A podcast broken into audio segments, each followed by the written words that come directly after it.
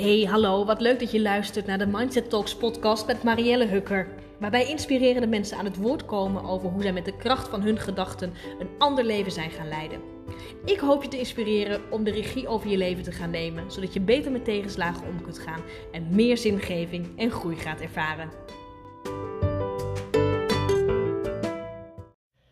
Dat soms de meest zware periode uit je leven het mooiste geschenk voor de toekomst kan zijn. Dat ervaart Lisa van der Veken na een aantal jaren. Lisa belandt na de geboorte van hun eerste kindje in een postnatale depressie. Ze verliest zichzelf totaal in het ouderschap en ze gaat met zichzelf aan de slag. En in deze periode waarin ze met persoonlijke ontwikkeling en met hulp bezig gaat om zichzelf weer opnieuw uit te vinden wie ze is en wie ze wil zijn als moeder, wat ze wil uitdragen naar de wereld, ontdekt zij dat haar perfectionisme die ze jarenlang gehad heeft, dat dat haar eigenlijk niet meer dient. En dat zij zichzelf nooit een prioriteit heeft gevonden. Nadat ze hiermee aan de slag is gegaan, komt ze daar vele malen sterker uit. En vandaag de dag inspireert ze daar ook andere vrouwen mee met haar prachtige bedrijf. Ga luisteren naar dit ontroerende, maar ook inspirerende verhaal van Lisa van der Veken. Heel veel luisterplezier.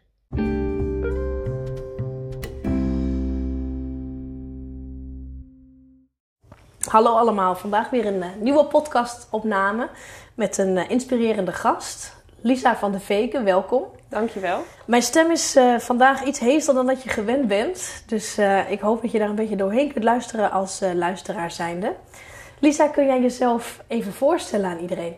Jazeker. Nou, ik ben uh, Lisa. Ik ben uh, 30 jaar oud, of in ieder geval op het moment dat we de podcast opnemen. Uh, praktisch, ik heb twee lieve kleine kindjes. Jens van 4 en Gijs van anderhalf. Waar we het zo vast ook nog meer over zullen hebben. ik woon samen met mijn vriend en de rest van het gezin dus in Amersfoort. En um, ik ben ondernemer. Ik help vrouwen om uh, schaamteloos hun eigen podium te pakken. En vol zelfvertrouwen en lef ja, in hun grootheid te gaan staan en hun missie te gaan leven. Wauw. En um, ja, dat is niet helemaal waar we het vandaag over gaan hebben, maar goed. Uh... Nou, daar gaan we wel naartoe natuurlijk, want ik ben daar ook heel erg benieuwd naar wat je dan precies doet en hoe je mensen helpt. Maar ik wil inderdaad wel even terug naar, daar is natuurlijk een aanleiding geweest dat je doet wat je nu doet. Um, kun je ons daar eens wat meer over vertellen? Wat, wat, wat, is er precies met jou in je leven gebeurd waardoor je het roer hebt omgegooid? Ja, nou dan moeten we even terug naar voordat ik uh, moeder was. Uh, of in ieder geval eigenlijk een beetje zo het begin daarvan. Um, nou, we hadden net ook even een kort voorgesprekje te vertellen. Ik had er iets over. Maar um, het enige wat ik vroeger altijd wilde, als iedereen mij vroeg van wat wil je worden als je later groot bent, was eh, mama. Ik wilde gewoon mama worden. Dat was één ding. Dat stond van mij uh, van kleins af aan al heel erg vast. En um, ik weet nog ook, als een jaar of twintig. En toen dacht ik, nou, van mij mag het nu wel komen hoor. Toen had ik alleen geen vriend, dus dat, dat moest even zeg maar op zich wachten. Uiteindelijk leerde ik uh, mijn huidige vriend Menno kennen. En hij was vijf jaar ouder, dus toen dacht ik, nou mooi, dus dan kan het er wel echt snel van komen. hij dacht er iets anders over, dus ehm, ik heb nog even een paar jaartjes ehm, nog geduld moeten bewaren. Tot ik 25 ehm, was en hij op een gegeven moment zei, nou ik denk dat ik er wel klaar voor ben. Ik zou ook wel heel graag kinderen willen. En uh, ik had destijds een, een spiraaltje. Uh, sorry voor de luisteraar. We gaan even helemaal terug naar het begin. Ik neem je terug, even mee gaat in het hele verhaal. Want dan, dan, dan, dan volg je hem waarschijnlijk ook wat beter. Dus ik kom ja. straks op een punt waarop, het, waarop het gaat snappen. Dus bear with me. Um, maar um, ik dacht, nou, het duurt wel een half jaar zeg maar voordat ik dan zwanger word. Dus laten we dat ding eruit halen en dan zien we het wel liep even iets anders dan gepland. Want zeg maar, dat ding was er maar net uit en ik was al meteen zwanger. Um, dus dat was best wel even schakelen in het begin. En tegelijkertijd was het ook meteen zo. Ik was meteen te vinden bij de prenatal en kocht al de eerste kleertjes. De babykamer stond er bij wijze van met 20 weken nadat de echo uh, allemaal oké okay was. Toen stond hij er al. En ik heb een hele fijne zwangerschap uh, gehad. Nog op het laatst nog uh, in, uh, volgens mij Sicilië, nog de bergen beklommen. En uh, ik kon de hele wereld aan, zeg maar. En je had er ook echt zin in? Ik had er echt zin in, ja. Ik wilde echt dolgraag moeder worden. De baby shower, alles erop en eraan. Ik heb zeg maar overal ook aan meegedaan. Ja. En um, toen werd ik moeder. En toen liep echt alles helemaal anders dan ik had verwacht, dan ik had gewild. Um, ik had bedacht om bijvoorbeeld in bad te bevallen thuis. Dat wilde ik heel erg graag. Zonder pijnmedicatie, want uh, ik heb een achtergrond als verpleegkundige. Ehm, jarenlang in de psychiatrie ook gewerkt. Toen op dat moment ook nog. Maar ik wist natuurlijk wat al die medicatie met je deed. En ik dacht, nou, dat, dat wil ik eigenlijk liever niet. En een dag voordat ik uh, uitgerekend was, uh, begonnen s'nachts te weeën. Dus ik dacht helemaal, yes, het gaat beginnen. Ja. Kom maar door. Eerst nog een tijdje rustig in bed gelegen. En toen, nou, dat was één keer in de 20 minuten of zo. Dus het was heel rustig. Ik dacht, nou, ik laat Menno nog even slapen. Tot ik naar de wc ging. En sorry voor alle details, maar die krijg je even mee. Uh, mijn vliezen ook gebroken bleken te zijn. Menno wakker gemaakt. En nou, wij zaten helemaal klaar voor. Zo van, kom maar door de eerste uren waren echt nog wel heel leuk. Tot het op een gegeven moment wel, nou, de weeën gewoon wel heel snel kwamen. Iedere twee, drie minuten al, ik denk vanaf drie uur of zo nadat het gestart was. Um, en de pijn ook wel wat steeds meer toe begon te nemen. We dachten, yes, we bellen de verloskundige. En uh, nou, ons kindje zal wel snel komen. Toen kwam ze en toen zei ze, nou, dat gaat nog wel even duren. Je hebt twee centimeter ontsluiting. Ga nog maar even wat relaxed doen en ik kom over een paar uur wel terug. Nou, dat, ze is, zo'n paar uur later is ze weer teruggekomen. Toen was het 3 centimeter. Dus nou, op dat moment was het allemaal nog prima. Um, tot zo'n... Uh, ja, ze zou drie uur later of zo zou ze weer terugkomen. Tot uh, een uur, twee uur nadat ze dus geweest was ik echt hele heftige pijnen kreeg. Iedere minuut ongeveer weeën had. Het niet meer te houden was. Wel urenlang series aan het kijken waren, maar ik helemaal gek werd. Dus ik was onder de douche gestapt. Ik had inmiddels een stoomkamer van onze badkamer gecreëerd. Menno was weggelopen, want die vond het niet meer te doen daar. En ik schreeuwde het uit van de pijn dat hij echt de verloskundige heeft gebeld van je moet nu komen, want volgens mij staat ze op het punt van bevallen. En toen kwam ze en toen, uh, ik weet nog heel goed, ik zat onder de douche op nota bene een een douchekrukje waar één poot ongeveer van afgebroken was. Dus ik zat mezelf zo'n beetje vast te houden, creperend van de pijn daar zo in die douche. Toen zei ze, nou, ik denk dat je zo moet verplaatsen naar de slaapkamer. Eh, om volgens mij zit je op het punt om bijna te gaan persen. Toen zei ze, zal ik nog even voelen voor de zekerheid hoeveel ontsluiting je hebt? Ik zeg, nou prima, doe maar. En dan kunnen we door. En toen zei ze, eh, ik denk dat we even iets anders moeten bedenken. Want je hebt maar drie centimeter oh. ontsluiting. Nou, echt, krijg er alweer kippenvel van als ik daaraan terugdenk. Echt ja, wat gaat er dan door je heen, hè? Als, als dat gezegd wordt? Ja, de grond zakte letterlijk... ik zat op dat krukje, maar de grond zakte letterlijk onder mijn voeten vandaan. Zo voelde het uh, op dat moment. En ik ben in huilen uitgebarsten. En dat ik echt zei, maar dat, dat, dat trek ik niet. Ik weet niet hoe ik dit nog uren vol moet houden. Ik zat al op het punt dat ik dacht, het gaat niet veel langer meer. Laat het kind maar komen alsjeblieft, dan ben ik er vanaf, zeg maar. En toen ging er ook een knop in me omdat ik dacht: oké, dan pijnstilling, dan, dan is het nu klaar, want dit, ik ga dit zo thuis niet redden. Uh, het bevalbad stond al op. Menno had hem al lekker opgepompt. En die zei van, nou gaan we er zo water in pompen. Maar dat hele fiasco, uh, of dat hele feest ging dus niet door. Werd een fiasco. Um, toen, ben ik, toen was het inmiddels dus al lang overdag. Want we waren al uh, 10, 12 uur verder of zo vanaf, uh, vanaf de start. Toen zijn we naar het ziekenhuis gereden. En onderweg vielen mijn weeën weg. Ik uh, kwam toen in het ziekenhuis. Um, zou een ruggenprik geprikt worden. Dat is uiteindelijk ook gebeurd. Dat duurde ook allemaal langer dan verwacht. Vond ik niet heel relaxed. Toen moest ik dus ook aan de weeënopwekkers, omdat mijn weeën ongeveer weggevallen waren. Ik had wel heftige pijn, maar er gebeurde zeg maar niks op de monitor. De contracties waren er niet. Um, en zeiden ze, nou, dit kan ook nog wel even duren. Heeft uiteindelijk ook nog 12 uur geduurd. En ik heb elke keer naar die monitor liggen kijken dat ik dacht, oh, laat het nou gebeuren. Ik voelde alles, maar um, nou, wel een demping met die pijnmedicatie, met die ruggenprik. Maar uh, het schoot mij niet op. En nogmaals, ik kom echt tot een punt.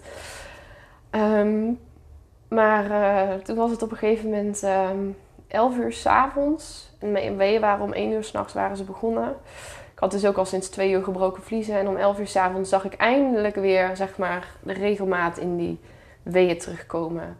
En had ik volgens mij 9 centimeter ontsluiting op dat moment. En ik ben dus ook... Ja, toen heeft het nog wel even geduurd. Volgens mij om 1 uur s'nachts of zo uh, kreeg ik persweeën. Dus dat heeft nog eventjes geduurd. En toen dacht ik, yes, eindelijk. Toen was ik echt op het punt dat ik dacht, ik ben al 24 uur wakker, het maakt me niet uit. Maar nu komt dat kind en nou ga ik hem ook zelf op de wereld zetten ik had ook nog wel voldoende persdrang die ik voelde ehm, dat ik dat ook mocht, zeg maar, met de ruggenprik nog in. En dat is nog best wel vlot verlopen. Heeft een uur en een kwartier geduurd. Jens is rond uh, tien voor drie s'nachts of zo uiteindelijk geboren. En ehm, toen begon voor mij eigenlijk het drama pas echt. ehm, waar ik het al een hel vond die dag ervoor, bleek mijn uh, placenta niet te komen. Uh, ik wilde ook eigenlijk geen spuit, stond in mijn bevalplan, maar die heb ik ook gehad. Um, om toch maar dat op gang te brengen. Ja, je moet iets, hè? Ja, ja, weet je, dat ik ook dacht, maar oké, okay, nou, dan, weet je, ik heb nu toch al alles, alles is toch, ik weet ook nog dat ik zei, ik heb, alles is toch al anders gelopen, maakt niet meer uit, zet dat ding er maar in. Um, en uh, nou, toen kwam het niet, toen kwam het, toen kwam het niet. En toen was het uiteindelijk oké, okay, maar dan moeten we nu naar elkaar, want er moet wel gehaald worden. Um, en dat ik zoiets al, ik moest, mocht kiezen, zeg maar, of ik met een roesje, zeg maar, helemaal onder volledige narcose zou gaan, of dat ze extra uh, medicatie bij zouden spuiten in de ruggenprik. En ik heb voor dat laatste gekozen. Ik was zo in een staat van alertheid, helemaal onder de adrenaline, dat ik dacht, nou, ik wil bijblijven. Heb ik ook gedaan. Ik heb die verpleegkundige van alles lopen vragen op de OK. Want vanuit mijn achtergrond was ik heel geïnteresseerd in hoe dat hele proces allemaal ging. Ja. Duurde een kwartiertje ongeveer. En uh, toen was het inmiddels dus midden in de nacht. En ik uh, zou, uh, normaal gesproken ga je dan naar de uitslaapkamer, naar de verkoeverruimte op zo'n zaal. Maar dat midden in de nacht was, ging ik naar de medium care. En er was mij verteld, je ligt hier nu even alleen op elkaar, maar na ongeveer een kwartiertje uh, word je opgehaald en brengen we je naar je man en naar je kind. En uh, daar was ik helemaal van uitgegaan. Dus de eerste kwartier heb ik daar rustig gelegen. En uh, toen kwam er maar niemand. Na 20 minuten kwam er niemand. Na 25 minuten kwam er niemand. En toen begon ik me wel redelijk angstig te voelen. Toen ben ik aan het zoeken gegaan naar zo'n knop, zo'n bel die je dan krijgt in het ziekenhuis. En die bleek ik toen niet te hebben.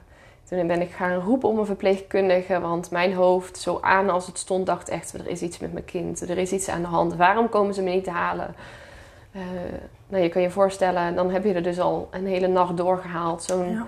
hevige bevalling gehad. Het, alles in jou staat aan, je wil naar je kind toe, je weet niet wat er aan de hand is.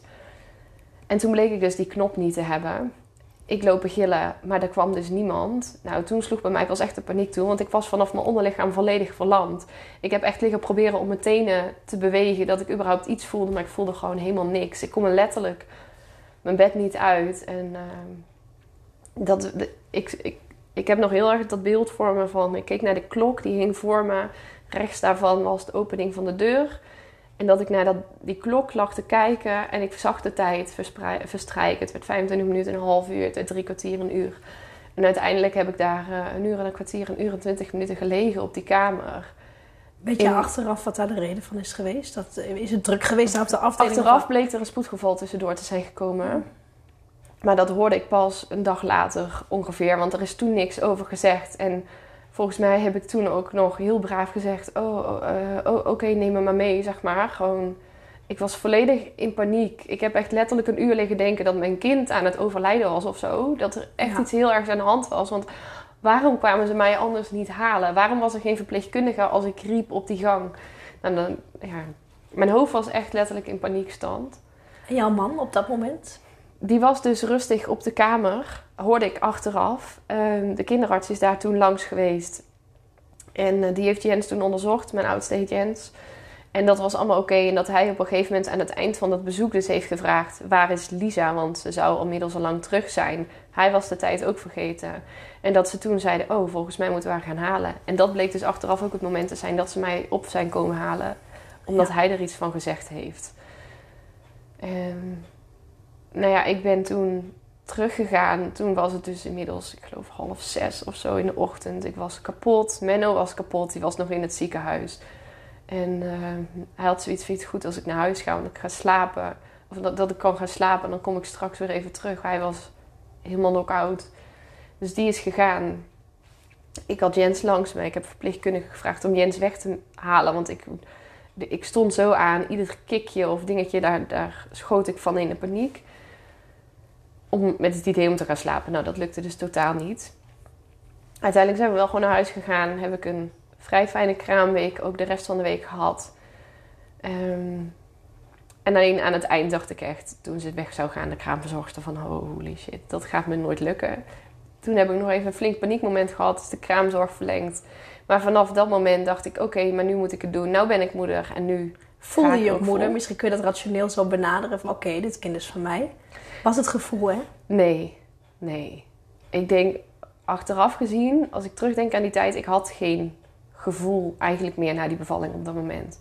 Rationeel ben ik heel erg gaan handelen naar wat een moeder hoorde te doen. Ehm, en vond ik ook dat ik er dus volledig voor mijn kind moest zijn. Ehm, en ik heb alles gedaan wat ik moest doen, maar ik voelde me geen moeder. Nee. Ik voelde je me dat op dat, verantwoordelijk. heb je dat op dat moment afgevraagd? Van, goh, moet ik me niet gaan voelen? Nee, nee, ik denk het niet. Ik kan het niet terughalen. Ik heb nog steeds dat ik... Florida kan ik herinneren van die periode. eh, vooral die bevalling en, en de laatste dag van de kraamzorg. Maar de rest, ik kan het me niet zo terughalen. Ik weet vooral, ik ben heel erg bezig geweest met... Oké, wat moet ik doen? Hoe moet ik... Ik moet er voor Jens zijn. Ik moet voor hem zorgen. Eh, hoe moet ik zijn luier verschonen? Hoe moet ik hem in bad doen? Echt dat soort praktische vragen, daar was ik mee bezig.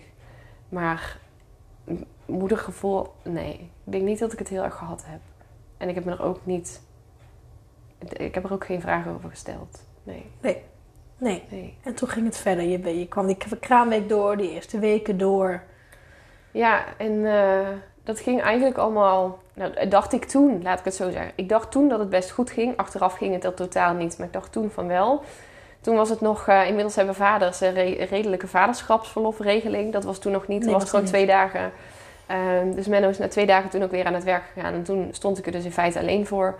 Ons man die kwam wel regelmatig even helpen gewoon. Maar de rest van de tijd deed ik het alleen. En ik vond ook... Menno is aan het werk. Vond ik toen heel stellig. Menno is aan het werk. En ehm, hij is er al de hele dag, ook overdag is hij gewoon bezig. Dus eh, dan ben ik er voor Jens. Maar hij moet ook kunnen slapen s'nachts om de volgende dag weer aan het werk te gaan. Dus ik heb gewoon 24-7 eigenlijk, eh, waar ik maar kon de zorg gedraaid. Dat Menno het s'avonds wel even van me overnam. Maar ik was degene die er s'nachts ook uitging, want ik gaf notabene ook borstvoeding. Dus ik deed alles. Ik liet hem zelf s'nachts geen luier verschonen of niks. Dus was totaal geen oplaadtijd voor jou. Nee, en ik stond het mezelf ook niet toe om te slapen als Jens sliep. Want dat vond ik toen nutteloze tijdbesteding. Want ik had wel betere dingen te doen. Ik kon het huis poetsen of wat voor het werk doen later. Of, dus achteraf, ik heb gewoon de hele tijd aangestaan. En nu kan ik zeggen vanuit een stuk van overleving ook. Wat vanuit de bevalling getriggerd is. Maar wat ik Mhm. toen dus niet zag. En wanneer En- barstte de bom? Eh, nou, ik ben dus wel weer aan het werk gegaan. Gewoon net als iedereen. Want dat doe je. Ik had twee weken langer eh, had ik wel vakantie, maar dat had ik van tevoren al gepland. En ik ben aan het werk gegaan en ik heb anderhalve maand ongeveer in de psychiatrie gewerkt. Ik weet nog dat ik wel heel erg tegen de borstvoeding heb aanlopen schoppen. Want op een gegeven moment wilde Jens niet meer aanhappen. En dat ik daar heel veel frustratie over had. Maar dat vond ik allemaal nog wel te doen. Achteraf denk ik ook logisch, want ik had zoveel onrust. Tuurlijk wilde hij niet aanhappen, want dat voelde hij. Maar na ongeveer anderhalve maand, toen hadden we een bijeenkomst op het werk. En toen zaten we in de kapel, notabene. En eh, toen vertelde een collega mij dat ze een andere baan had gevonden. Het was een collega met wie ik het heel goed kon vinden. En ik, ik weet niet wat er gebeurde, maar ik ben ter plekke met een zaal van 80 man omheen of zo in huilen uitgebarst. Ik ben naar, naar buiten gegaan en ik heb echt twee uur zitten huilen. En dat ik toen dacht, dit is niet normaal geloof ik dat als een collega mij zoiets vertelt, dat ik dan zo van de vlos raak. Dat ik daarna ook met mijn leidinggevende in gesprek ben gegaan en mezelf ziek heb gemeld. En dat was eigenlijk een moment dat alle stress, verdriet, moeheid ehm, van die maanden daarvoor eigenlijk eruit kwam. Dus toen ben ik thuis komen te zitten. Ben in eerste instantie met een mama-coach aan de slag gegaan. Want toen dacht ik nog, dit fix ik wel even. Ehm, tot ik ongeveer twee weken thuis zat en het zich zo op had gebouwd dat ik helemaal niks meer kon, mijn bed niet meer uitkwam. En Menno uiteindelijk op een gegeven moment s'avonds uit zijn werk kwam. En ik echt zoiets had van, je moet me nu in huis houden, want het gaat niet meer. En als het zo door moet gaan, dan wil ik, dan wil ik gewoon niet meer. En daar word, ik op, daar word ik nog steeds emotioneel van als ik aan dat moment terugdenk. Dat ik echt dacht, zo wil ik geen moeder meer zijn, maar zo hoeft het voor mij überhaupt niet meer. Ik moet me nu echt in huis houden, want anders rijd ik mezelf daar tegen een boom aan. Echt die twee weken mijn, alleen maar in mijn hoofd gezeten en Jens verketterd. En eh, dat was echt verschrikkelijk. En dat was echt het moment dat ik dacht, dit is niet oké en nu moet ik hier iets mee. Als je het hebt over wanneer de bom is gebarsten, Toen. dat is toen geweest. Ja. Ja. Ja, hoe snel dat kan, kan afdwa- eh, afdalen. Hè? Als die emmer eenmaal overloopt, hoe, hoe hard die dan ook overloopt. Ja, daar stond ik zelf van te kijken. Ja. Ik, eh, Ik werkte nota bene zelf in de psychiatrie en ik had al mijn eigen signalen gemist. Want achteraf waren ze er al eigenlijk vanaf dag één. Kan dat, dat je ze gemist hebt? Of misschien de omgeving misschien, heeft ze misschien ook gemist? Ja, ik denk één. Ik had al jarenlang een hele dikke, vette betonnen muur, zeg ik altijd, van 6 meter dik en 10 meter hoog om me heen gebouwd. Ik ben vroeger heel erg gepest en ik heb toen altijd gezegd: ik laat me nooit meer zo raken door iemand. Dus ik heb ook nooit laten zien, denk ik, hoe ik me echt voelde. En hulpvragen vond ik zwak. Ehm, dus alles ging goed. Dat vertelde ik ook tegen iedereen. Ja, het gaat heel goed. Jens doet het hartstikke goed. Hij groeit goed. Was ook waar, want hij groeide in de eerste week al de kraamcurve uit, zeg maar. Het was alsof ik slagroom in mijn borstvoeding had zitten. Dus hij deed het fantastisch. En ja, dat, dat is heel makkelijk om het dan op, over Jens te hebben in plaats van over mezelf in die eerste weken. Dus ja, ik was wel moe, maar ja, ik gaf borstvoeding. Dat deed iedereen. Dus op die manier kon ik de schijn, denk ik, heel erg hoog houden. En zo erg dat dus eigenlijk niemand het ook door heeft gehad hoe slecht het eigenlijk ook ging. En daarbij was het ook, het was voor ons de eerste. Dus we wisten ook niet daarbij wat normaal was. En het was voor mij, maar ook voor Menno, voor mijn moeder, logisch dat ik moe was. Want dat, dat is iedere beginnende moeder. Dus zolang je het daarop gooit, kan je best wel wat signalen missen. En was ik ook heel blind voor mijn eigen patronen, denk ik. Ja. Ik denk sowieso dat mensen zich uh, sneller bewust zijn van de ander dan van zichzelf. Ja. Nou, dat denk ik niet, dat weet ik wel zeker. Ja, dat denk ik. Daar hebben we toch vaak anderen voor nodig om ons daarmee uh, te confronteren. Van, ja. ik doe het eigenlijk zelf ook zo. Ja, en ik achteraf, ik was al jaren heel perfectionistisch. Vanuit vroeger dus ook. En dat heb ik toen gewoon als een malle doorgevoerd. Ik, alles moest tip-top zijn, ook voor de buitenwereld. Ja. Um, en op dat moment werkt die strategie ook. Dat heeft heel lang heeft dat goed gegaan. Want de eerste, nou ja, tot, sorry. De, ik stoot even, uh, ik stoot je aan, dus sorry daarvoor. Maar um, dat is heel lang is dat heel goed gegaan. Tot vijf en een halve maand na de bevalling. Dus uh, meestal komt zo'n depressie wat sneller. Ik heb het heel lang van me af weten te houden. Ja. En op het moment dat jij instortte, was dat ook hetzelfde moment dat je voor jezelf erkende: ik zit in een postnatale depressie? Of heb jij op dat moment nog allerlei andere labeltjes proberen te plakken om maar niet zo erg te laten zijn? Uh, nee, het was toen voor mij, toen die, die avond, maar dat was dus echt op het dieptepunt dat ik echt suicidaal werd. Dat was wel voor mij dat ik dacht, dit is niet oké. Dit is wat ik bij patiënten zie, zeg maar. Dit, dit is gewoon een dikke depressie. Um, en ik moet hier iets mee. Dus ik zat ook echt de volgende ochtend om acht uur. Ik belde de huisarts en ze zeiden: Je mag nu meteen komen. Ehm, en ik, ik, ben toen gestart met antidepressiva. Ik zei ook: Ik moet snel naar de psycholoog. Want dit is, ja, ik, ik kan niet zo lang nog thuis zitten. En dan gaat het met Jens ook niet goed. Want ik had wel al in die twee weken daarvoor neigingen om hem van de trap te gooien. Ik wou zeggen, dat was mijn volgende vraag. Heb jij nooit, je hebt het betrekt nu op jezelf. Ik, ik, ik, ik hoefde zelf niet meer. Maar goed, ik weet vanuit het moederschap dat ik ook momenten heb gehad dat ik dacht, ik ga mijn kind van aan, want ik trek dit niet. Ja, ja en die had ik denk ik al wel langer in de maanden daarvoor. Maar dat weet ik dus niet heel bewust meer. Maar ik weet wel echt vanaf het moment dat ik dus thuis kwam te zitten, dat het echt ook was, het was niet meer Jens, het werd dat kind. Dat kind huilt en, en, en dadelijk smijt ik hem het raam uit. Hoe vaak ik hem in gedachten wel niet ook uh, het uit het raam geworpen heb. Gewoon alleen al die gedachten die me dan hielpen om dat gejank maar even uit mijn kop te zetten. Dat was echt niet, dat was niet oké.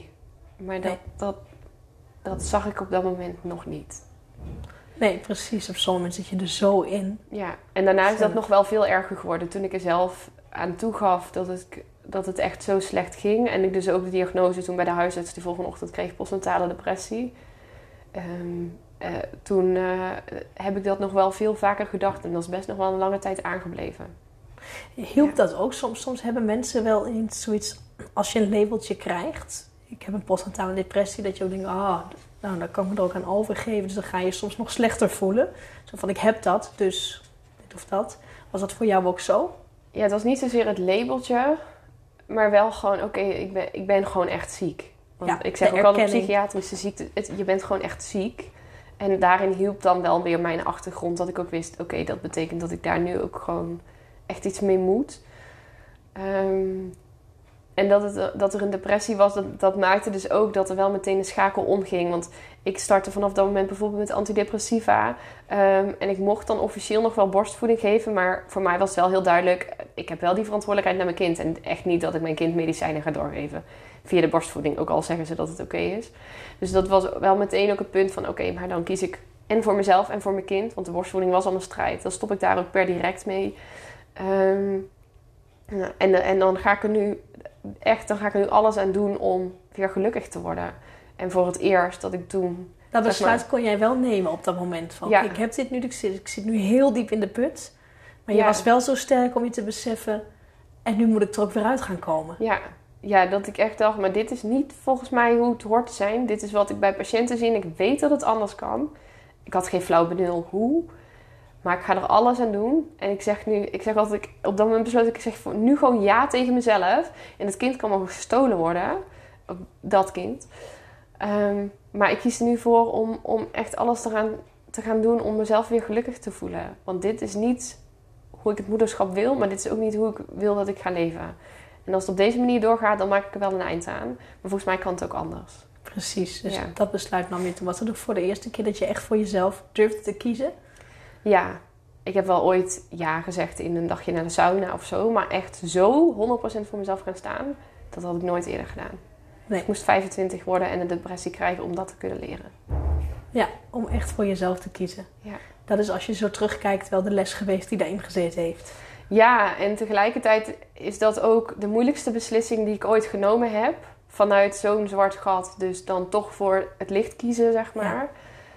Maar sindsdien zijn alle andere beslissingen heel veel makkelijker geworden. En heb ik allerlei dingen gedaan waarvan ik nooit had gedacht dat ik het zou durven. Omdat ik op dat moment toen die beslissing genomen heb. En voordat we verder gaan, ben ik wel heel even benieuwd. Als er nou mensen zijn die ook in zo'n zwart gat zitten, die weet ik veel, net in een scheiding liggen of die een dierbare verloren zijn. Wat heeft jou geholpen om zo duidelijk voor jezelf te kunnen kiezen? Of om, om duidelijk een, een pad uit te stippelen van... Uh, oké, ik moet hier weer uit gaan komen. Er zijn twee keuzes die ik kan maken. Of ik maak er een einde aan of ik ga ervoor zorgen dat ik uh, beter voor mezelf ga zorgen. Wat zou je andere mensen die in een soortgelijke situatie zitten kunnen adviseren? Die het even echt niet meer zien? Ja, wel, ik weet nog wat, wat ik voor mezelf, wat mij toen geholpen heeft. En dan kan je honderdduizend tips geven. Um, maar wat mij toen heel erg geholpen heeft, is kijken naar: oké, maar als ik nu zo doorga met waar ik nu mee bezig ben, waar gaat dat me dan brengen? En dan, ik bedoel, daarin zag ik ook bij patiënten, dan zit ik nog misschien wel tien jaar in de shit als ik hierin vast blijf hangen. En is dat hoe ik mijn leven wil leiden? En dan was het antwoord heel duidelijk een nee. Dus dan heb je één andere keuze.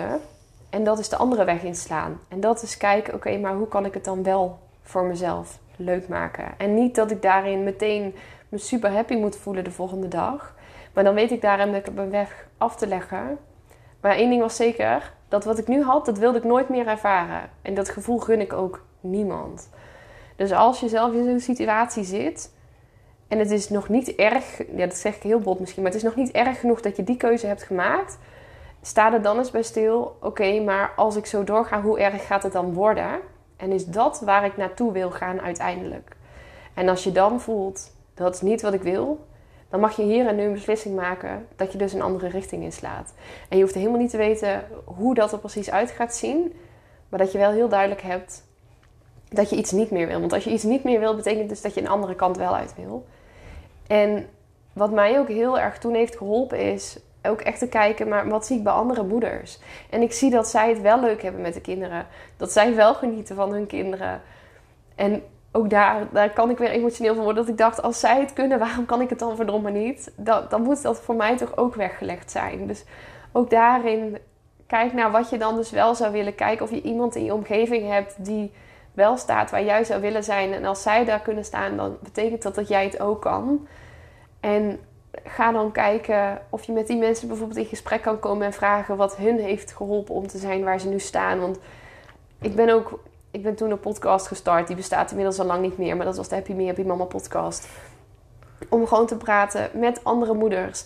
Ook die een depressie hadden gehad. En hoe zij eruit zijn gekomen. Dat is wel slim. Dus je gebruikt een podcastkanaal. Ja. Voor je, om er zelf bovenop te komen. Hey, dat is wel handig. Ja, en toen was ik helemaal nog geen ondernemer. Maar dat was gewoon omdat ik dacht... Ik wil die gesprekken voeren. En ik ben vast niet de enige die dit soort dingen wil weten. Um, dus daarom heb ik daar toen een podcast van gemaakt. En ik luisterde toen ook al podcasts. En ook een tip: ga die luisteren. Ga inspirerende verhalen luisteren. Maar ook ga dus met mensen in gesprek. En je hoeft het echt niet op te nemen, net als ik toen deed. Maar het heeft mij zo geholpen om te zien: van oké, maar zij uh, hebben er ook wat van gemaakt. Zij kunnen genieten van hun kinderen. Dus oké, maar wat hebben zij dan gedaan? En dat ben ik vervolgens ook gaan doen. Ja, dus dat, dat zijn een paar tips die, die mij heel erg geholpen hebben. Heb jij, uh, uh, zonder dat ik daar heel snel doorheen wil gaan, zijn er meer manieren geweest hoe je de weg omhoog uh, bent gaan klimmen? Want ik kan me indenken, op het moment dat je dat besluit neemt voor jezelf, heb je nog niet gelijk de route bepaald van hoe ga ik het doen. Dus wat is dan de eerste stap die jij gezet hebt om daaruit te komen? Ja, voor mij was de eerste stap uh, sowieso de antidepressiva. Um, Maar dat was echt omdat ik echt zo, zo diep zat om ja. die scherpe kantjes eraf te halen. Uh, en daarnaast ook met de psycholoog. Uh, maar daarbij, het maakt ook niet uit of het een psycholoog of iemand anders was. Maar in ieder geval iemand bij wie ik mijn verhaal kwijt kon. Um, en die mij ook durfde te vragen naar wat er nou eigenlijk echt speelde. Want ik was al bijna zes maanden lang in de ontkenning over hoe het nou eigenlijk echt ging. En vrienden en familie zijn dan allemaal heel lief, maar die zeggen: Oh, wat naar en wat kan ik voor je doen? Terwijl die psycholoog die vroeg me naar: Maar waarom doe je nou eigenlijk zo? En niet letterlijk zo bot als ik het nu zeg, maar dat was wel de essentie van wat ze vroeg. En, en waarom doe je het op die manier? En, en wanneer is dat dan begonnen? En toen pas ben ik stil gaan staan bij: Oh, fuck, ik heb echt een hele nare bevalling gehad. Die ik maandenlang, waar ik het niet over had gehad, waar ik maandenlang niet meer terug aan heb gedacht. En toen ben ik ook gestart met de, met de verwerking dus van de bevalling die ik gehad heb.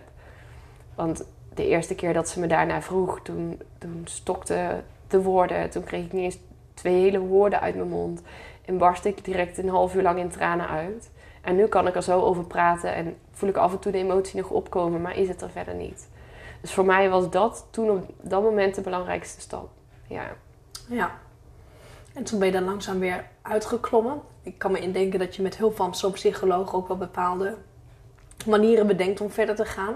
Hoe lang heeft het al met al geduurd voordat je zoiets had van, nou volgens mij ben ik echt wel een eind de goede richting op? Ja, ik denk de eerste drie maanden zijn wel daarna nog heel pittig geweest. Vooral ook met de verwerking. Um, en ook nog met nachtmerries en zo die ik nog gehad heb. En daarna werd het wel langzaam wat rustiger. Dat het wel wat beter ging. Ik ben na ongeveer vier maanden um, ook gestopt bij de psycholoog, volgens mij. En ik denk een maand of vijf later was het zelfs zo dat ik dacht: ik wil wel de, de antidepressiva ook wat gaan verminderen. Dat ik me goed genoeg voelde om dat aan te durven. Maar wat ik toen in tussentijd ben ik bijvoorbeeld ook... Toen is eigenlijk mijn pad van persoonlijke ontwikkeling ook begonnen. Toen had ik die podcast. Uh, maar toen ben ik bijvoorbeeld ook heel veel boeken gaan lezen. Um, over jezelf ontwikkelen, je goed voelen. Veel podcasts gaan luisteren. En die depressie die was ongeveer op zijn piek. Jens is geboren in januari. Zo uh, half juni, begin juli, zeg maar. Dat, waren, dat was de, de, slechtste periode. En ik denk dat ik zo eind november voelde ik me al best wel goed. En eind december ben ik uiteindelijk... Nou zou ik stoppen met de antidepressiva. Dat liep niet helemaal omdat ik elektroschokjes begon te geven. Maar dat is een heel ander oh. verhaal. uh, een van de bijwerkingen van afbouwen wist ik niet. Maar, uh, dus dat heeft uiteindelijk iets langer geduurd. Maar in november voelde ik me eigenlijk alweer best wel goed. En ik weet nog eind december, toen uh, Jens was heel snel met lopen. Toen uh, net na de kerst, toen waren we op een verjaardag bij vrienden van ons. Die woonden toen nog bij ons in de wijk. En toen zette Jens zijn eerste stapjes van de ene stoel naar de andere stoel. En toen dacht ik voor het eerst, of dacht, voelde ik voor het eerst van wauw, jij bent gewoon mijn zoontje. En, en toen voelde ik voor het eerst echt de liefde voor mijn eigen kind. En toen ging het echt goed. Ja. Ja, dat vond ik dus echt magisch. Maar dat is echt een besef dat dat bijna een jaar geduurd heeft voordat je echt pas wat gaat voelen voor je kind. Ja. Ja, dat was voor het eerst dat ik die roze wolk, waar iedereen altijd over sprak, toen kon voelen. En dat is bijna een jaar na de bevalling geweest. Jeetje. Ja. En toen? En toen, toen ben ik uh, doorgegaan met podcasten, wat ik toen al deed. Ik ben toen uiteindelijk ook langzaam weer mijn werk gaan hervatten. Um, uiteindelijk, maar dat is later ook weer mee gestopt, omdat ik merkte dat alle prikkels vanaf dat moment ook veel heftiger binnenkwamen. Dat een soort, mijn dikke betonnen muur van 6 meter dik en 10 meter hoog, die was afgebroken naar nul. Um, dus alles kwam wel heftig binnen, maar ik ben toen gewoon wel weer langzaam de dingen op gaan pakken. En ook leuke dingen gaan doen. Ook met Jens, waar ik dan voor het eerst daadwerkelijk wel van kon genieten. Ik ben uh, cursussen gaan volgen. Ehm, ik ben toen ook voor het eerst in een coachtraject gestapt. Mezelf laten coachen. En toen kwam ik erachter dat ik dus al jarenlang heel erg perfectionistisch was. Ehm, dus gaan oefenen ook met controle loslaten op andere vlakken. En um, ja, vooral heel veel dingen gedaan om mezelf weer zo goed mogelijk te voelen. Dus eigenlijk heb ik die reis die toen ooit ingezet is, die ben ik alleen maar door gaan pakken. En steeds meer dingen uit gaan proberen die ik ook spannend en eng vond. Om daarmee ook te oefenen met loslaten. Um, en ja, dat heeft zich eigenlijk alleen maar in de loop van de maanden steeds verder voorgezet. Tot ik me zo goed voelde dat ik dacht, hmm, nou zou ik wel weer een tweede kindje willen. Zo, en dat is ook snel uh, daarna gebeurd. Ja, ik was een jaar en negen maanden. Of ik, ik nee, Jens was een jaar en negen maanden oud. En um, toen ben ik weer zwanger geworden. Van Gijs, toen nog. Ja, mooi. En hoe, hoe verliep dat? Op dat moment kan ik me voorstellen dat je na zo'n bevalling ook wel met angsten zit. Ja, en vooral de angst dat die depressie zich dus weer zou herhalen. Want ik voelde me, nou zeker, ik bedoel, na een jaar voelde ik liefde voor Jens. Maar toen hij anderhalf was, voelde ik echt, voelde ik mezelf heel erg goed. Um, en toen ben ik dus met in eerste instantie de verloskundige het gesprek aangegaan. Zo van, joh, ik zou heel graag een tweede kindje willen. Uh, ik merk dat het verlangen er heel sterk zit. Maar ja, ik heb die depressie wel gehad. En voordat ik weer zwanger raak, wil ik het daar wel over hebben. Dus ik ben toen daar een paar keer geweest om ook te spreken. Oké, maar wat zouden überhaupt de risico's zijn in mijn bevalling? Ook met dat mijn placenta bijvoorbeeld toen niet uh, geboren werd. Wat zouden de risico's zijn op herhaling? Uh, ik wilde heel graag thuis bevallen, want die ziekenhuiservaring wilde ik niet nog een keer meemaken. Ik wil alles behalve daar naartoe terug. Um, dus mocht ik überhaupt opnieuw thuis bevallen? Nou, dat was ook een traject, want officieel mocht dat niet. Moesten afspraken gemaakt worden. Maar uiteindelijk had ik dat geregeld. Um, ik ben ook in contact gekomen met een doula. Want ik dacht, ik wil iemand die er gewoon de hele bevalling is. Niet weer een verloskundige die in en uit gevlogen komt. Maar echt iemand die gewoon de hele tijd naast mijn zijde zit. Naast alleen Menno, die kennis van zaken heeft, die me kan ondersteunen. En toen dat allemaal geregeld was, uh, want ik heb die doula al gecontacteerd voordat ik dus überhaupt zwanger werd, um, uh, om gewoon eens te praten. Uh, en toen dacht ik, oké, okay, ik durf het durf het aan. We hadden een heel plan B zeg maar liggen. En ik wist ook dat het risico er zou zijn dat ik meteen weer binnen no time zwanger zou zijn. Dus dat was heel belangrijk dat ik dat geregeld had voor ja. um, dat ik zwanger kon worden. En toen weer herhaalde dus de geschiedenis zich weer in dat ik dus weer binnen een halve maand zeg maar zwanger was. En um, heb ik best wel wat, uh, wat dips ook gehad gedurende de zwangerschap qua emoties. Maar verder wel een goede zwangerschap gehad. En uiteindelijk een hele fijne, hele mooie bevalling thuis gehad. In een bad. Precies wat ik wilde. Met de doula binnen vijf uur. In plaats van een verloop van 25 uur ongeveer. Um, waarin ik me krachtiger heb gevoeld dan ooit. Waarin ik mijn zoontje zelf aan heb mogen pakken toen hij geboren werd in het zwembad. Hem zelf voor heb mogen stellen, zeg maar, aan iedereen. Ja. En uh, ja, dat, uiteindelijk werd de placenta nog maar half geboren. Moest ik naar het ziekenhuis met de ambulance. Maar ik dacht echt, oh, dat maakt me echt niks meer uit. Nee, ik heb zo'n fijne af. gevalling gehad. Dat, uh, ja. ja, dat werkt ook wel helend, denk ik, of niet? Ja, ja sowieso de combi van... Ik heb um, mijn zoontje zelf op de wereld mogen zetten in dat zwembad. Thuis. Maar ook de kracht die ik toen voelde, was toen uh, tijdens die bevalling dat was echt een bevestiging ook voor mezelf van hoe ver ik gekomen was. Sinds ook uh, de bevalling van, van Jens. Uh, dat was 2,5 jaar daarna. Gijs en Jens schelen 2,5 jaar. Ik dacht, wauw, ik ben wel echt heel ver gekomen. En dat, ja, dat werkte vooral voor mij heel helend als je het daarover hebt. Ja, prachtig. En dat je dan weer opnieuw naar het ziekenhuis moet omdat die placenta weer niet uh, goed loskomt. Is dat dan niet een enorme teleurstelling en komt er ook niet heel veel angst weer bij kijken? Of had je alles zo goed geregeld dat je dacht, het gaat echt goed komen? Ja, het maakt me, maakte me echt niet meer uit. Ik had Gijs in mijn armen gehad. En ik heb van tevoren ook gezegd, en nou, inmiddels weet ik heel veel van de wet van de aantrekking. En mijn doula heeft me een half jaar voordat ik bevallen ben, dus ik was toen drie maanden zwanger ongeveer. Ik pak even een slokje water, want ik krijg een droge mond. Maar toen heeft ze mij uh, mijn bevalling laten visualiseren. Want ik zat toen nog heel erg in dat angstscenario, maar wat als het weer misgaat? En toen zei ze, maar wat nou als je je ideale bevalling zou mogen beleven, hoe zou dat er dan uitzien? En die vraag veranderde voor mij op dat moment alles. Dat ik, ze heeft me toen letterlijk mijn ogen laten sluiten bij ons aan de keukentafel. En laten voorstellen hoe mijn ideale bevalling zou zijn. En het me ook gewoon letterlijk hardop uit te laten spreken. En toen voelde ik voor het eerst op dat moment het vertrouwen van oké, het, is, het is weer mogelijk. En het was letterlijk de bevalling die ik uiteindelijk gehad heb, wat ik toen aan de keukentafel gedroomd heb. Want ik heb toen zelfs gezegd, dat was in maart. Gijs is in augustus geboren, dus nou, iets minder dan een half jaar. Maar ehm, ik heb toen gezegd, zelfs al komt die placenta niet, het zal mijn worst wezen. Als ik dit scenario mag beleven, dan ben ik dolgelukkig. En uiteindelijk was het dus ook zo dat die placenta voor de helft kwam dit keer. Dus ik al een stukje verder. Ehm, maar ik, ik lag daar op bed. Op een gegeven moment waren de ambulancebroeders er. en ik dacht echt, prima, laat maar komen. Ik moest, sorry voor de smaak details, maar ik lag daar dus uh, boven uh, in onze slaapkamer op dat bed. Die ambulancebroeders die stonden naast me en die zeiden, ja, want onze slaapkamer is op de tweede verdieping van ons huis nu moet je dus wel naar beneden. En die placenta was half geboren. Dus letterlijk een mm. handdoek, zeg maar, tussen mijn benen. En een beetje dat de ene ambulancebroeder hem voor me vasthield en de andere oh. achter mij. Toen ik de trap afliep. Net uh, bevallen. Dus nou, dat was niet een heel uh, charmant gezicht. Maar uh, ik lag ook daarna op de brancard buiten. Klaarlichte dag dat een van de buren ook nog kwam kijken van wat gebeurt hier.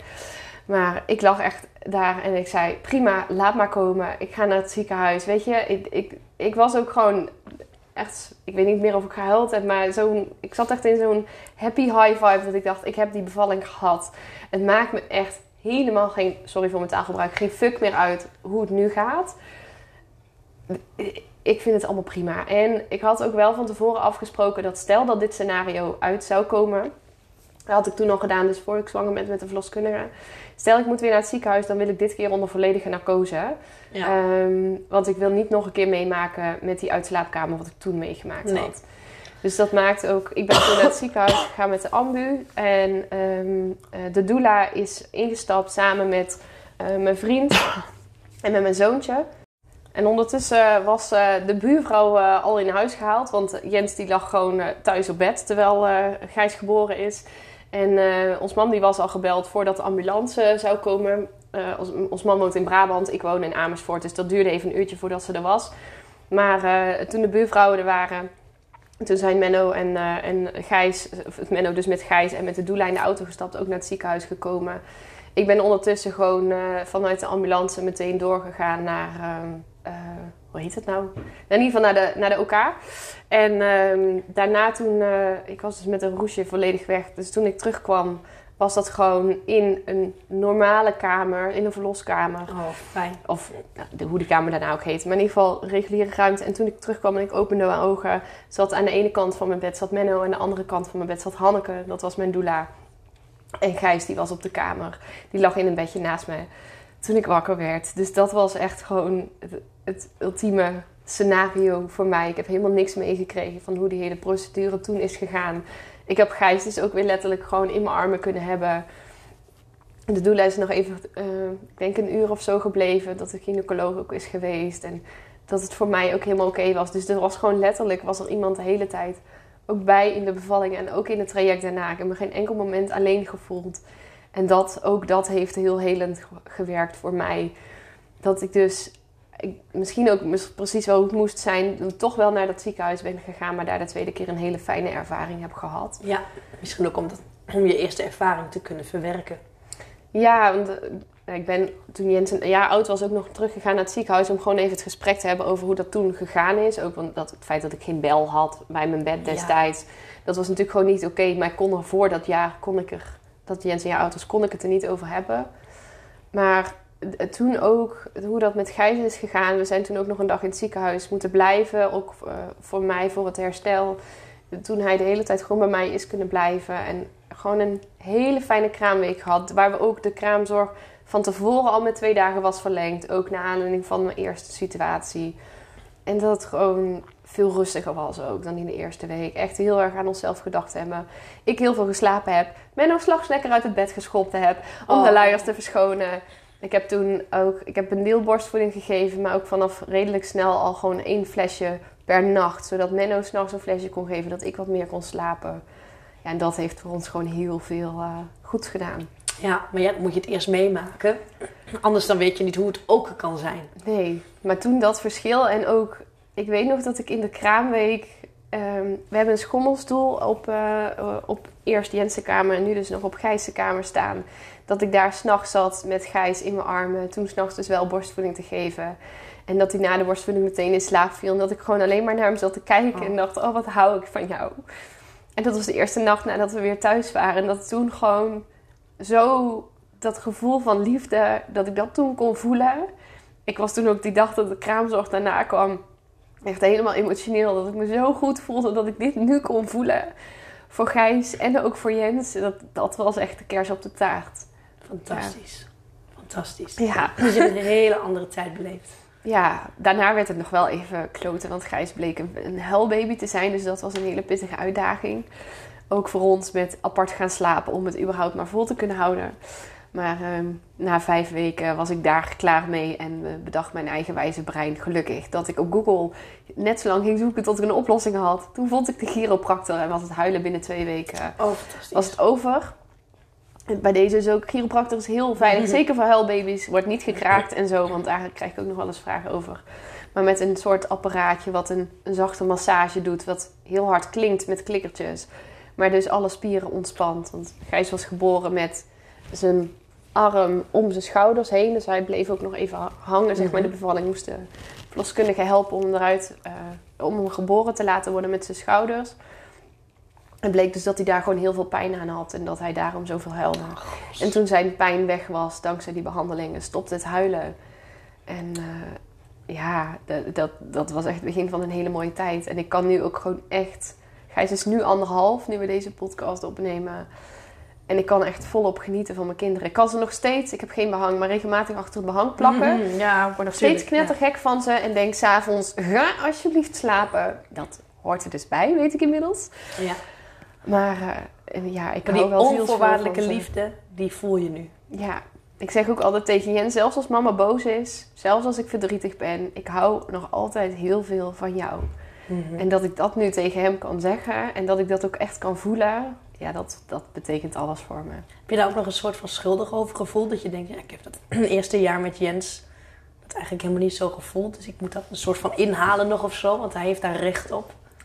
Ik heb in het begin wel heel erg schuldig gevoeld. Vooral, ik denk de eerste anderhalf jaar, twee jaar ongeveer.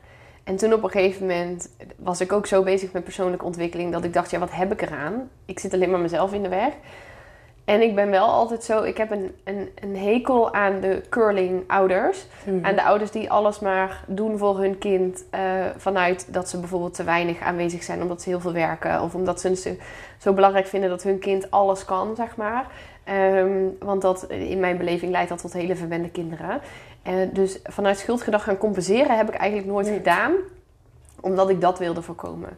Dus hij is wel altijd, zeg maar ik heb wel heel veel geknuffeld en heel veel gezegd dat ik van hem hou. Maar nooit extra uitjes gedaan of extra cadeautjes gegeven. Nou, ik bedoel, ik zal niet zeggen dat ik het nooit heb gedaan, maar nee, niet daarin echt gecompenseerd om dat goed te maken. En ik kan het ook niet goed maken, want ik heb niks fout gedaan. Het was toen hoe het was en het was, weet je, ergens tuurlijk, ik met mijn eigen perfectionistische gedrag heb het zelf denk ik ook deels in stand gewerkt. Ehm, naast die ervaring van de bevalling. Maar ik heb, ik heb niet iets fout gedaan bewust. En ik heb hem nooit echt wat aangedaan. Hij zal gevoeld hebben dat ik er niet volledig voor hem was. Maar dat kan ik ook niet goed maken. En dat ga ik dus ook niet proberen. Het enige wat ik kan doen is nu heel veel van hem houden en er nu voor hem zijn. Maar dat geeft ook wel aan hoe sterk jij nu bent. Want ik kan me indenken dat jij vier jaar geleden nu daar anders in stond. Dat je daar schuldig over hebt gevoeld. Zeker, ja. Het, gaat niet zoals het hoort. Ik hoor me anders te voelen. Ja, ik heb daar zeker heel anders in gestaan. Maar met alles wat ik nu heb gedaan, want ik zei ook aan het begin, weet je, ik help nu vrouwen om gewoon echt vol zelfvertrouwen door het leven te gaan. En gewoon echt te staan voor wie ze zijn, te gaan voor wat ze willen. Ik, ik ben een drie kwart jaar geleden ben ik gaan skydiven met mijn vriend. Iets waarvan ik altijd dacht, dat ga ik nooit doen. Maar als ik dat ooit durf, dan, dan kan ik de hele wereld aan, zeg maar. En daarom heb ik toen op een gegeven moment besloten om het toch te doen. Ik vond het fantastisch, mm. overigens. Dat had ik nooit gedacht. Maar Maar al dat soort dingen. Ik ben gewoon steeds meer gaan doen wat ik nooit durfde om te doen. Ik ben steeds meer ook nee gaan zeggen tegen mensen als ik dacht, maar hier heb ik geen zin in. Steeds meer mijn grenzen aan gaan geven. Ehm, je zou kunnen zeggen af en toe steeds luier geworden. Uh, door dus gewoon letterlijk dingen niet meer te doen. Door niet meer zo vaak te poetsen in huis. Uh, door niet meer dus de hele nacht eruit te gaan met de borstvoeding. Uh, maar het over te laten aan iemand anders. En steeds meer voor mezelf gaan zorgen. Mm -hmm. Maar dat maakt dat ik nu dus ja, er volledig kan zijn voor mijn kinderen. En een leuk bedrijf op kan zetten. En gewoon ben ik zelf heel gelukkig ja, voel. ben ik ook al van overtuigd dat het zo werkt. Want als jij je niet lekker voelt, ja, wat geef je je kinderen dan, hè? Ja, en achteraf... Qua dus- energie en zo. Ja, ja, ik kan nu ook gewoon zeggen... ik- toen ging het niet goed, 3,5, 4 jaar geleden. En ik ben er nooit echt voor Jens geweest. Ik ben er fysiek voor hem geweest. En ik heb gedaan wat ik moest doen. Ik heb Ja. luiers verschoond en hem, en hem in bad gedaan. Maar een kind heeft zoveel meer nodig. En nu kan ik hem dat geven. Omdat ik dag in dag uit... Het is niet iets wat ik af en toe doe met zo'n skydive. Dag in dag uit zorg ik voor mezelf. Ja. Ik sta letterlijk als morgens een uur eerder op dan mijn kinderen. Dat betekent dat ik om vijf uur uitga. Zodat ik tijd heb voor mezelf. En mezelf eerst aandacht en liefde kan geven. Zodat ik het vervolgens door kan geven. Hoe ziet die zelfzorg voor jou eruit naast dat jij een uurtje eerder opstaat? Ik trouwens, ik ben wel benieuwd tot hoe laat slapen jouw kinderen? Tot eh, tien voor zes vaak ongeveer. Zes uur. Ik probeer als half zeven. Maar dat, eh, dat heb ik niet onder controle. jij slaat kwart voor vijf, vijf uur sta je op. Ja, dan kwart voor vijf, dat, dat doe ik net niet. En vijf uur sta ik op. En meestal slapen ze tot zes uur. Zo ook wel eens tot half zeven. Jens heeft zo'n heel mooi schaapje, Sam het schaap, die zijn ogen Oh ja. open doet om half zeven. Maar Gijs, die houdt zich nog niet aan de klok. Dus die komt gewoon, als hij wakker wordt, wil hij een flesje. Dus die krijgt hij dan. Ehm, maar om vijf uur sta ik altijd op. En dat betekent dat ik ochtends gewoon ook letterlijk voel gewoon waar, waar heb ik nu zin in. Dat ligt dus ook niet vast. Ik heb alles geprobeerd met de Miracle Morning, met vaste stramine. Maar dat werkte voor mij alleen maar averechts, ging me aan irriteren. Ehm, dus wat ik doe is, ik word wakker en dan denk ik, oké, maar wat wil ik nu? En de ene keer wil ik in bad gaan, vind ik dat heerlijk, doe ik dat. En dan stem ik af met Menno, dat stel Gijs eerder wakker wordt, dat hij een flesje geeft. De andere keer ga ik lezen. De andere keer lig ik lekker, letterlijk met mijn ogen dicht. Ik zeg altijd met mijn handen op mijn hart mezelf heel gelukkig te voelen. Ehm, te visualiseren. Ehm, soms ga ik wandelen, zeker als het weer wat mooier weer wordt, als het licht is 's ochtends. Dus dat wisselt elke dag. Maar hoe zet je jezelf daartoe? Want ik kan mij best wel voorstellen als die wekker gaat. Dat Ja. je denkt, oh, ik ben eigenlijk nog best wel heel erg moe. Eh, dat klinkt niet heel leuk, maar doen. Hm, Gewoon doen. Ja, en er elke dag mee oefenen. En inmiddels eh, word ik standaard om vijf uur, vijf over vijf wakker. Heb ik die wekker niet eens meer nodig. Maar dat is wel echt de eerste tijd een kwestie van oefenen. En ook merken dat telkens als je dat doet, dat je dan dus relaxter bent naar je kinderen toe. Ook al vind je het niet fijn om zo 's morgens vroeg op te staan. Meestal is het ook het eerste 10 minuten, kwartier is het misschien zelfs kloten. Maar daarna heb je nog drie kwartier voor Ja. jezelf. Daarom doe ik het ook een uur en niet maar een kwartier. Want dat betekent dat als ik dan dus morgens niet zo lekker wakker word, dan kan ik ook eerst rustig ontspannen voordat ik Jens bijvoorbeeld te woord moet staan. Want eerder stond ik op en werd ik wakker met het gehuil van Gijs. Of werd ik wakker met dat Jens Ja. riep, mama, ik moet plassen. En dan dacht ik meteen, Ugh. En nu denk ik, ik ben al wakker. Ik heb al lekkere dingen voor mezelf gedaan. Ja. En ja, dat merkte ik gewoon al na één of twee keer. Dus je moet het in ieder geval één keer gaan proberen. En als je dan merkt, oké, maar nu ben ik al relaxter. Zijn je kinderen vaak ook relaxter als jij relaxter bent. En loopt de hele ochtend soepeler. Dus dan, dan doe je het al snel een tweede keer weer, een derde keer. En hou je het langer in stand. Mooi. En de rest van de dag heb je nog meer momenten die je voor jezelf pakt? Of in de week of in de maand? Of hoe, hoe ziet jouw ritme wat dat betreft er een beetje uit? Nou ja, dat doe ik dus sowieso iedere ochtend. Ehm, en probeer zoveel mogelijk ook overdag momentjes voor mezelf te pakken. Maar dat kan soms ook... eh, ik, ik hoorde laatst van Charlotte de Jong zei... eh, als je naar de wc gaat, de ademen is... Of pissen is ademen, zei ze. Dat letterlijk gewoon even drie keer in en uitademen als je op het toilet zit. Kan soms ook al heel lekker zijn. Ehm, dus dat, maar ook gewoon tijdens de lunch bijvoorbeeld gaan wandelen. Niet achter mijn bureau, snel even wat opeten. Ehm, maar wat Menno en ik op een gegeven moment ook afgesproken hebben is... dat op maandag, op woensdag en op vrijdag hebben wij alleen avond. En dan verwachten we dus niet van elkaar dat we iets samen gaan doen. Gaan we niet samen, soms kiezen we bewust voor, maar in de basis niet samen op de bank hangen. Maar gaan we gewoon iets doen waar we zelf blij van worden. En dat kan zijn dat een van ons dus het huis uitgaat die avond om met iemand uit eten te gaan of lekker af te spreken. Dat kan zijn dat ik mezelf terugtrek om lekker een boek te gaan lezen of om te gaan wandelen. Ehm, maar dat hebben we sowieso vast ingevoerd. En regelmatig hebben we ook in het weekend, de komende tijd heb ik het zelfs wat meer, dat ik gewoon dagen weg ben, dat hij voor de kinderen zorgt of andersom. En plannen we aan de andere kant ook heel bewust tijden samen in. Tijden met z'n tweeën samen in, avondjes of hele dagen. Ehm, en ook met het hele gezin. Dus dat we niet. Ik maak bewust tijd zeg maar, in mijn agenda om gewoon alleen te zijn. Of een dag naar de sauna te gaan, eens in de zoveel tijd. Of, ja. Heerlijk. Dus dat plan je echt van tevoren. Ja, ja, en door daar een vast ritme in te creëren. Voor ons is het gewoon... En inmiddels doen we dat al. Ik denk ruim een jaar, zeg maar, met die maandag, woensdag, vrijdag. En is het soms wel van, ook wel ik dinsdag met iemand gaan, is dat ook prima. En dan is het, dan is het ook oké, zeg maar. Maar door dat in het begin zo strak neer te zetten... Toen hadden we ook nog bijvoorbeeld elke zondag keken we standaard terug op de week. Nou, dat doen we nu soms op zaterdag. Of soms dan is het niet zo nodig, dan doen we het niet. Maar om daar in het begin zo strak mee in de gang te gaan... maakte wel dat we die, pak- die tijd dus ook letterlijk pakten. Ja. En ons geen moment schuldig hoefden te voelen over dat we dus tijd voor onszelf namen. En merkten we dat we het allebei heel lekker vonden. Want ja, als ik die tijd alleen heb, dan heeft hij hem dus ook. Ja. En kan hij een serie kijken waar ik totaal geen zin in heb. Kan hij lekker gaan gamen of met iemand gaan kletsen die, die ik niet per se hoef te zien. Dus dat, eh, dat creëert juist heel veel ruimte. Mooi. Mooi. Dan wil ik nou eigenlijk even het bruggetje slaan naar wat je doet eh, nu, vandaag de dag. Ja, Ik ben wel even benieuwd hoe dat zo gegroeid is. Dat je op een gegeven moment je baan hebt opgezegd. Of misschien ook niet hebt opgezegd. Ja, ik heb toen. eh, Oh, mijn microfoontje die beweegt wat. Dus sorry voor de achtergrondruis. Ehm, ik heb. eh, het is inmiddels een jaar geleden dat ik gestopt ben met mijn werk als psychiatrisch verpleegkundige. Wat ik zei al, ik ben toen na eh Jensen geboorte ben ik wel weer aan het werk gegaan. Maar ik werkte gewoon dat, dat alle prikkels en zeker als je zelf in zo'n depressie hebt gezeten. Ik bedoel, ik hoorde heel veel verhalen van depressie om me heen. Dat ik dacht, dit is niet meer wat ik wil. Ik ben eh, uiteindelijk eh, daar nog wel in blijven werken, maar wat minder uur. Zeker omdat ik vrij snel toen ook zwanger werd van Gijs. En na de bevalling van Gijs ben ik teruggegaan. En binnen een maand was het al duidelijk voor mezelf dat ik dacht: nee, ik, ik moet dit gewoon echt niet doen. Als ik in die, die flow wil zitten qua mezelf gelukkig voelen met waar ik naartoe wil, moet ik stoppen. Dus toen heb ik mijn baan opgezegd in november en ben ik eh, eind februari gestopt. Eind maart uit dienst gegaan. Eh, ook omdat ik nog heel veel uren had.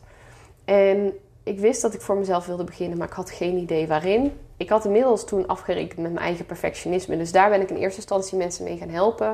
Ik had toen al wel een coachopleiding gedaan. Dat heb ik toen eh, tijdens tussen de bevalling van Jens en Gijs maar ingedaan. Omdat mensen tegen mij zeiden, hier moet je meer mee doen. Je stelt echt goede vragen. Dit is iets wat je heel goed ligt. Ehm, en daar ben ik in eerste instantie mee gestart. En ik merkte aan alles, dit, ik, ik doe dit nu, maar het voelt voor mij niet helemaal lekker. Dit is niet helemaal de doelgroep waar ik me op wil richten. En tegelijkertijd, als verpleegkundige leer je niks over ondernemen. Dus alles was voor mij nieuw. Het hele marketing, het hele sales. Dus daar heb ik echt ook wel ehm, mijn weg in moeten vinden. En ik maakte toen de podcast, de 100% Lef 5 Show. Omdat iemand ooit tegen me zei, ja, dat zou je eigenlijk moeten doen. Je moet het gewoon de 100% Lef 5 Show noemen. Toen dacht ik, ja, vet. Nou, zo ben ik daarmee gestart. En uiteindelijk, nou, ik was een half jaar bezig of zo met die podcast. Ik doe het nu denk ik ruim een jaar.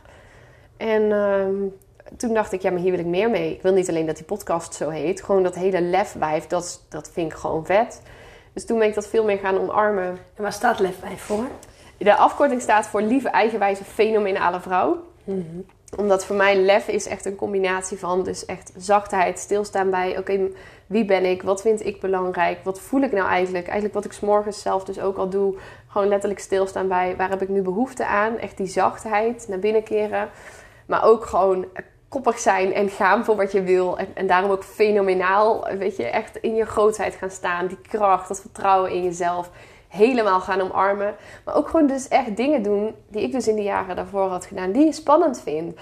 En dat kan skydiven zijn, maar dat kan ook bijvoorbeeld zijn nee zeggen tegen iemand om een keer af te spreken. Dat kan ook zijn in plaats van dus s'avonds met je vriend op de bank te gaan hangen te zeggen: nee, ja, eh, ik ga vanavond in bad. Weet je, in mijn ogen is dat allemaal lef. En ik had er inmiddels zelf al zoveel stappen in gezet dat ik dacht: hier wil ik vrouwen mee helpen.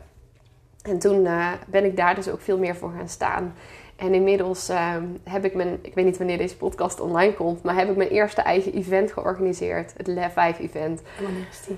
Op 7 mei is de VIP-avond en op 8 mei is eh, een event helemaal overdag. Met ook sprekers die ik allemaal geïnterviewd heb, ook voor de podcast. En waarbij ik vrouwen dus ook echt ik dacht, ik wil vrouwen hierin meenemen. Dus ik neem ze helemaal mee in die ervaring van lef. Letterlijk de hoge energie in, in dat vertrouwen stappen. Met het eerste wat ik ook had bedacht voor het event. En dat komt aan het eind een vuurlopen bij. Dat vrouwen letterlijk die kracht, in dat vertrouwen in zichzelf mogen gaan voelen. Letterlijk een dikke vette schop buiten hun comfortzone krijgen. Zodat ze, als ze over dat vuur heen zijn geweest, of de keuze hebben gemaakt om het niet te doen. Wat in mijn ogen echt ook lef is. Als je stil durft te staan en te denken: oké, maar dit is niet wat ik wil. En je geeft je grens aan. Dat je daardoor kunt voelen: maar ja, maar als ik dit kan, zeg maar wat ik toen had met die bevalling en later ook met het skydiven, dan kan ik de hele wereld aan. En dat vertrouwen in jezelf voelen. Ja, dat, dat is magisch. Want wat ik zei, als je dat eenmaal voelt, dan, dan worden die beslissingen zoveel makkelijker. En ja, dat gun ik gewoon iedere vrouw. Dus dat ga ik met het event doen. En daar ga ik mijn hele business ook verder eh, omheen bouwen. Ja, da- wat dat betreft sta je nog een beetje aan het begin van, Ja. de, van, van, het ondernemerschap. Want je moet je hele route nog uitbouwen. Ja, en ik heb al wel, eh, ik coach wel nu mensen bijvoorbeeld al één op één. Ik heb ook een NLP-opleiding eh, gedaan. Dus daarin help ik mensen wel al om echt dat vertrouwen ook in zichzelf te voelen. Maar ik wil niet alleen maar één op één mensen helpen. Mijn droom is veel groter. Ik wil impact maken. Ik wil echt ja, de- de- op hele grote schaal vrouwen dit gevoel geven. Dus dat betekent dat ik daar meer in te doen heb. Dat ik wil gaan spreken. Dat ik daar groepstrajecten omheen wil bouwen. Oh, maar dat mooi. is, weet je, wat ik nu in mijn hoofd heb, wat ik na het event ga doen, is dat ik met vrouwen, we gaan aftrappen met een groepstraject waar we gaan beginnen met skydiven. Want dan is de toon maar meteen gezet. Ja. En dan heb je, de, heb je die vuurloop gehad, eventueel op het event, of je stroomt later in, dan gaan we skydiven. Dan voel je de kracht. En vanuit daar gaan we doorpakken. Ga je ook echt je eigen podium pakken. Gaan we letterlijk ook jouw verhaal op het podium ook delen met vrouwen. Zodat je daarin ook voelt dat je dat kan. Dat je daarin het vertrouwen hebt. Ga een ademwerk erbij doen, dat je daar de kracht voelt. Maar ook daar de rust en de stilte in. Een stukje naar binnen keren. Vertrouwen op je intuïtie. Dus die elementen, alles wat ik de afgelopen jaren zelf gedaan heb, zelf geleerd heb, dat wil ik nu samenpakken en ehm daar anderen mee helpen. En dat je daar heel veel anderen mee gaat inspireren ook. Ja. Ja, dat klinkt heel gaaf. Kun je nu achteraf terugkijken en ook zeggen... ik heb die depressie nodig gehad om te staan waar ik nu sta? ja, sterker nog, ik denk dat de depressie mijn grootste cadeau ooit geweest is. Ja, mooi. Ja, en ik ook, je vroeg in het begin voor mensen die daar nu in zitten in zo'n lastige periode. Dat kan een depressie zijn, een scheiding zijn, dat iets niet lekker loopt met je kind of met je eigen gezondheid. En ik snap ook dat je hem nu misschien nog niet kunt horen, maar laat hem wel even binnenkomen, ook als luisteraar. Dat dit straks jouw grootste cadeau gaat zijn. Dat je het nu misschien nog niet ziet, maar dat je straks over zoveel tijd kunt zeggen: Dit was precies wat ik toen nodig had. En als je daarop kunt vertrouwen, dan denk ik dat je alles kunt bereiken. Mooi.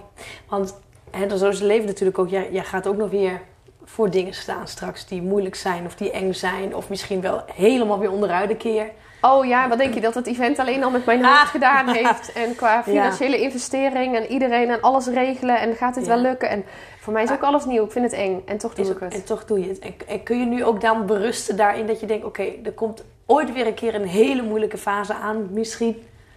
Ja, maar ik kies, voor, eh, ik kies nu bewust voor een leven met hoge pieken en dan liever diepe dalen erbij. Maar dan heb ik die Ja. hoge pieken in ieder geval. Oh, dat mooi. Ehm, en dat betekent ook, mijn angsten komen steeds sneller. eh, maar ik ben er ook steeds sneller mee klaar. Ja, ik voel hem, daar moet ik wat mee. Ja, ik had gisteren nog dat ik dacht, ik, eh, ik mag hier iets anders in, ook in mijn bedrijf. En in plaats van dat ik daar dan dus nog maanden over doe, denk ik nu: oké, nee, dat- dat is een overtuiging die ik niet langer wil. En dan shift ik hem. Ik wil niet zeggen dat dat niet dan nog even in mijn hoofd nasust. Maar eh, ik ga me daar zelf niet langer mee door tegen laten houden. Nee. Wat supergoed. En dat heb je echt afgelopen anderhalf jaar, twee jaar, drie jaar denk ik wel geleerd. Ja, ik is gestart met de depressie, maar ik denk dat het, dat het uiteindelijk afgelopen jaar is daar echt een katalysator in geweest. Daar heb ik zoveel dingen gedaan die ik van tevoren nooit had durven bedenken. Dat ik nu, eh, ja, ook als je me vier jaar geleden had verteld dat ik een event zou organiseren met als doel 180 vrouwen daar, met een vuurloop erbij van twee bij twee. En nou, dan Had ik je voor gek verklaard. Ja, had je niet geloofd. Nee. Nee. Waar kunnen mensen wat over jou vinden als ze wat willen weten over jouw event of over de dingen die je aanbiedt? En sowieso ben ik vrij actief op Instagram. Uh, gewoon onder mijn eigen naam, Lisa van der Veken. Ik heb een podcast, de 100% Lef 5 Show, die ik vier keer per week uh, publiceer.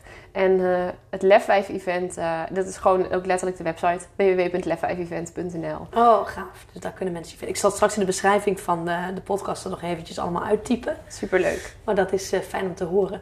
Ik zou als afsluiting nog even van jou willen weten, ja, misschien zet ik je dan voor een blog, of er nog iets is als je, ja, wat je kunt delen aan de, aan de luisteraars, wat je mee wil geven. Um, iets van inspiratie. Of hè, ik, ik, ik, zou zeggen, pak je podium even. Het laatste afsluitende ding wat je de luisteraars mee wil geven. Nou, dat podium pakken, dat lukt wel. Want daar zit inmiddels geen, uh, geen schaamte of uh, zo meer op of onzekerheid. Maar als ik denk ook, waar kan ik jou als luisteraar het meeste mee helpen? Dan vind ik het wel een hele mooie om vooral... Want weet je, zo'n zo'n podcast kan super inspirerend zijn... Maar tegelijkertijd kun je daarna ook denken van ik ga weer verder met de rest van deze dag. En dat je denkt, oké, het was een mooi verhaal en, en, nu gaat mijn eigen leven weer door. Dus als je nou deze podcast hoort en je bent al zover dat je hem nu toch helemaal tot het eind bijna geluisterd hebt, dan betekent dat dus ook dat jij hier in je eigen leven iets mee wilt. Dat er iets is wat, je, wat jou geraakt heeft, want anders luister je me niet zo lang af. Dus dan wil ik je ook uitdagen om nu dan ook de beslissing of een beslissing te maken wat jij vanaf dit moment anders wil gaan doen. Dat je één keuze maakt vanaf dit moment waar jij ofwel nee tegen gaat zeggen, omdat je het niet langer wil, omdat je denkt van nou, maar dit is niet hoe ik mijn leven in wil richten, dit is niet waar ik behoefte aan heb. Of dat je zegt, ik ga ook iets doen wat ik spannend vind en dat je daar binnen 24 uur actie op onderneemt. Dus dat het niet iets gaat zijn van oké, ik ga hierna weer door, maar dat je echt nu dus de commitment maakt aan jezelf. Dat je als luisteraar denkt, oké, maar wat zou ik nou in mijn leven anders willen? En dat je daar direct actie op onderneemt. En ik denk dat dat de grootste kracht is. Wat mij ook het meest geholpen heeft, dat telkens als ik geïnspireerd raak, dat ik ook kijk, oké, maar hoe kan ik dat omzetten naar actie? En dat noemen ze dan zo heel mooi inspired action. Ja, en dat is de meest krachtige actie. Dus uh, die zou ik mee willen geven. Ja, hartstikke mooi. Dankjewel, dankjewel dat je er was. Graag gedaan. Superleuk ook uh, dat ik hier te gast mocht zijn. Ja, nou hartstikke leuk. En bedankt voor deze inspirerende afronding.